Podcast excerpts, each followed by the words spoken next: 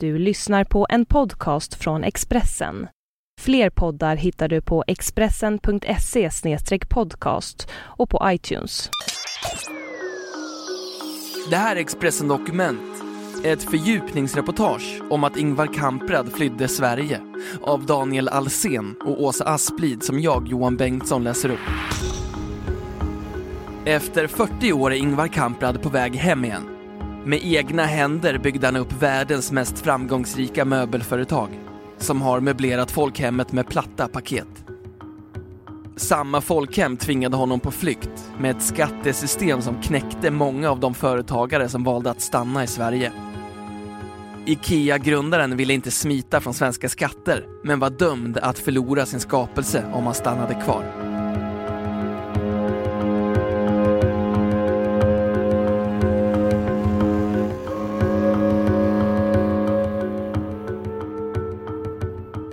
När det nya året började 1 januari 1973 hade Sveriges riksdag nyligen enats om en gemensam manifestation mot USAs krigsförbrytelser i Indokina. Sturups flygplats hade öppnat några veckor tidigare utanför Malmö och Ingmar Bergmans film Viskningar och rop hade precis haft världspremiär i New York. Samtidigt funderade Ingvar Kamprad på att lämna Sverige. Anledningen var det höga skattetrycket mot hans möbelföretag IKEA. Den svenska modellen hade länge varit ett känt och beundrat begrepp över stora delar av världen.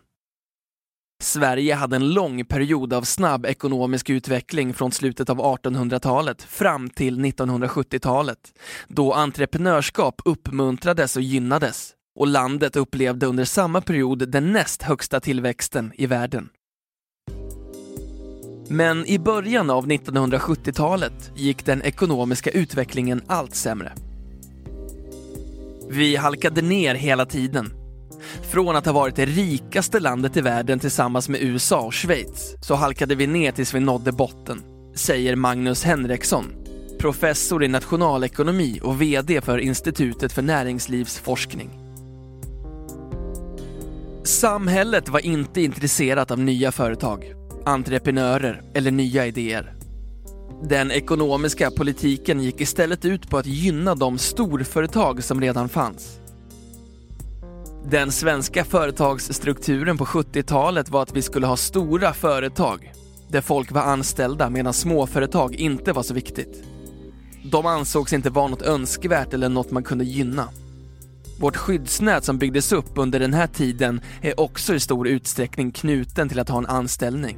Inte till entreprenörskap, säger Åsa Hansson, docent i nationalekonomi vid Lunds universitet. För Ingvar Kamprads del innebar det att hans företag höll på att gå omkull. Till slut bestämde han sig för att fly landet.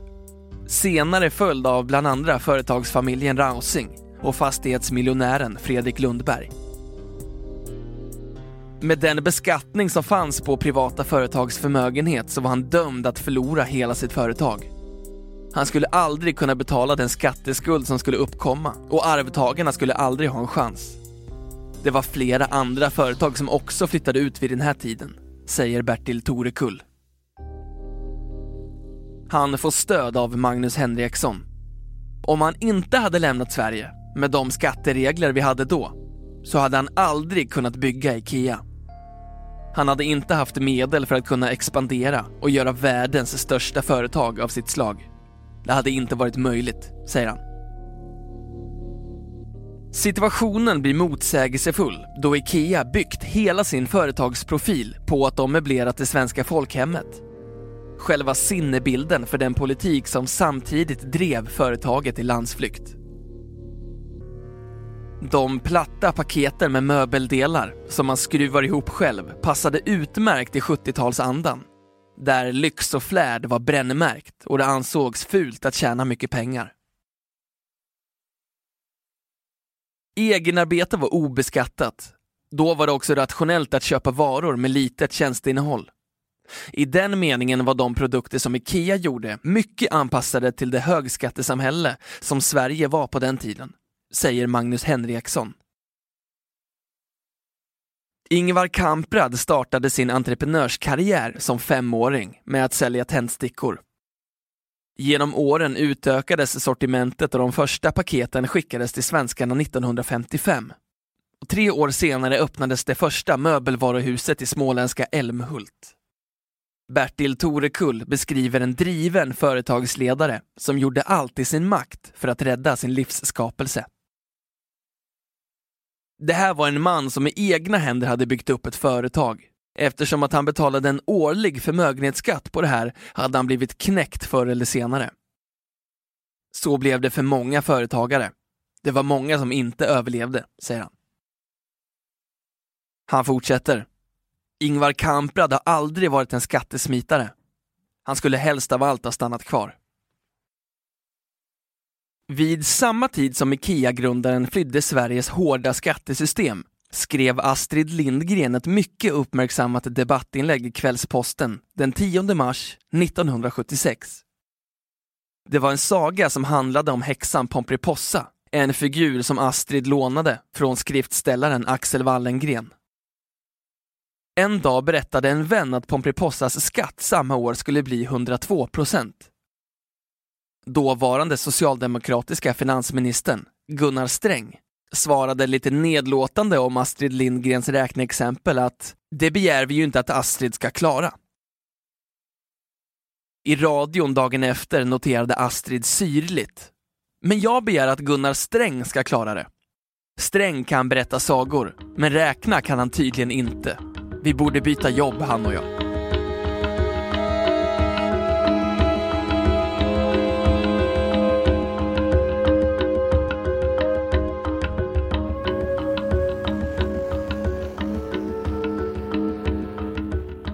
Innan skattereformen 1990-91 hade vi marginalskatter på 87 procent och man la till sociala avgifter på det kunde man komma upp i 100 procent. Man kan fråga sig varför man tillät ett sådant system, säger Åsa Hansson. Astrid Lindgren förblev trogen socialdemokrat i hela sitt liv. Men som historien går bidrog hennes vassa debattartikel till att Socialdemokraterna förlorade makten i valet samma år. Det var också samma år som LO fattade beslut om att verka för införandet av löntagarfonder. En idé som skapats av LO-ekonomen Rudolf Meidner och som kom att dominera den politiska debatten under många år. Den 4 oktober 1983 samlade näringslivet tiotusentals personer i Humlegården i centrala Stockholm för ett demonstrationståg till kanslihuset i Gamla stan. Det är fortfarande en av de största demonstrationerna som ägt rum i Stockholm. Men löntagarfonderna blev verklighet. En del av företagens övervinster skulle tillfalla fonderna som i sin tur skulle använda sina tillgångar för ägande i företagen. När riksdagen debatterade införandet av löntagarfonderna fotograferades den socialdemokratiske finansministern Kjell-Olof Feldts nu berömda dikt som inleds Löntagarfonder är ett jävla skit, men nu har vi baxat dem ända hit.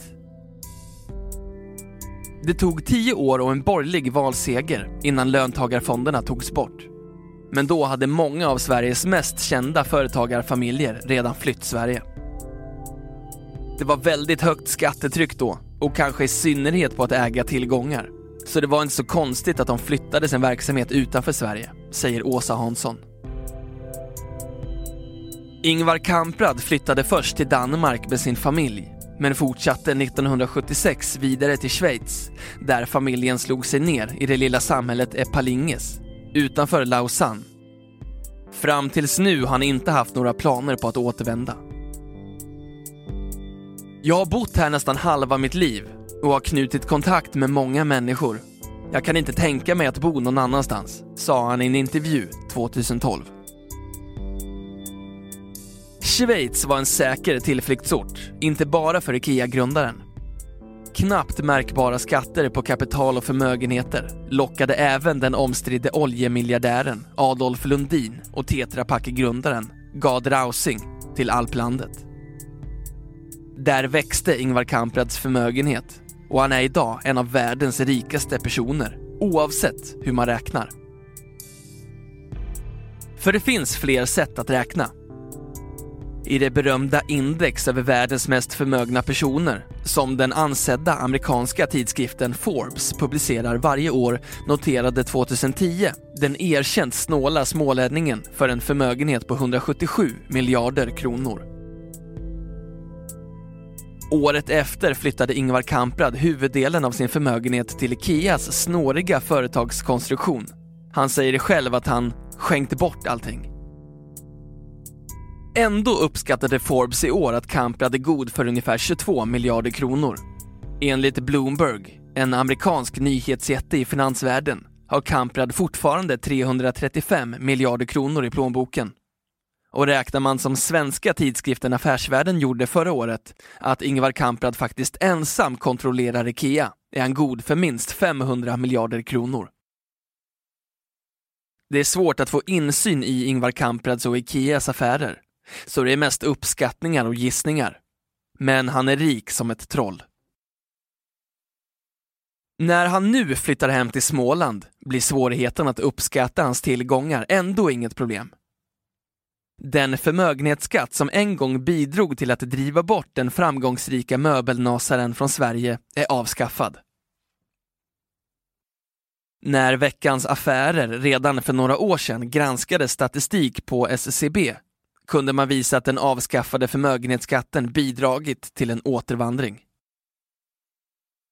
Stora summor pengar flyttades tillbaka till Sverige. Kanske är Kamprads flytt ett tecken i tiden, att de allra rikaste nu återvänder hem. Han kunde lika gärna ha flyttat för fem år sedan. Det var när förmögenhetsskatten och arvsskatten togs bort. Därefter finns det väl inga argument för att inte flytta hem till Sverige, säger Magnus Henriksson och fortsätter. Det är klart att det kommer upp på agendan och folks radarskärmar. När Kamprad gör det så blir det ett statement som kan göra att fler uppmärksammar det. När IKEA-grundaren återvänder till Sverige gör han det till vaggan för sitt imperium, som har fortsatt att spela en viktig roll även under alla de år som han har varit borta. Älmhult är och förblir hjärtat i hela imperiet. Det är där som all produktutveckling sker. Hela tänkandet finns fortfarande i Sverige, säger Bertil Torekull. Du har hört Expressen Dokument, ett fördjupningsreportage om varför Ingvar Kamprad flydde Sverige av Daniel Alsen och Åsa Asplid som jag, Johan Bengtsson, har läst upp.